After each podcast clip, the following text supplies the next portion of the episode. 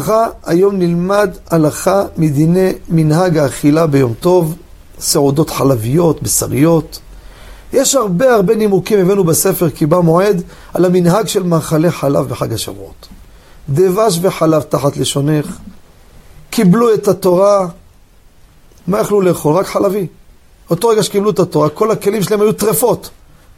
לך עכשיו, איפה תביא תכשיר עד שישחטו, עד שיכשיר את הכלים? אכלו חלבי. במנהג הזה אוכלים חלב, יש הרבה הרבה טעמים.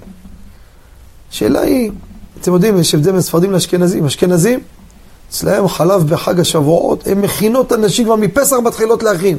לך תראו, מקפיאים, היו כמה, זה טררם רציני. ספרדים לא עשו מזה עניין. הספרדים, רבותיי, מספיק משהו קטן חלבי שאכלת. אחד מגדולי הפוסקים הספרדים כותב, רבי בן ציון אבא שאול, זה יצא קדוש לברכה, חזרת מהתפילה, אתה עושה קידוש, אוכלים מזונות, תאכל כוס גלידה. זהו, קיימת את המנהג, מספיק, לא צריך סעודה חלבית. יום טוב אוכלים בשרי. אבל יש משפחה אומרת, תשמע, אנחנו אוהבים חלבי.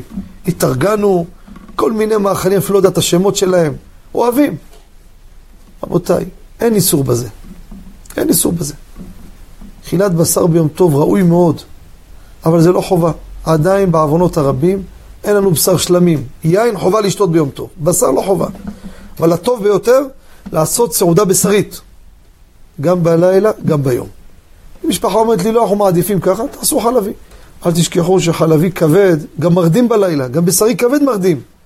אז אה, לכאורה, עדיף שיעשו את זה בצהריים, ביום. למה? שלא יסתבכו עם הלימוד.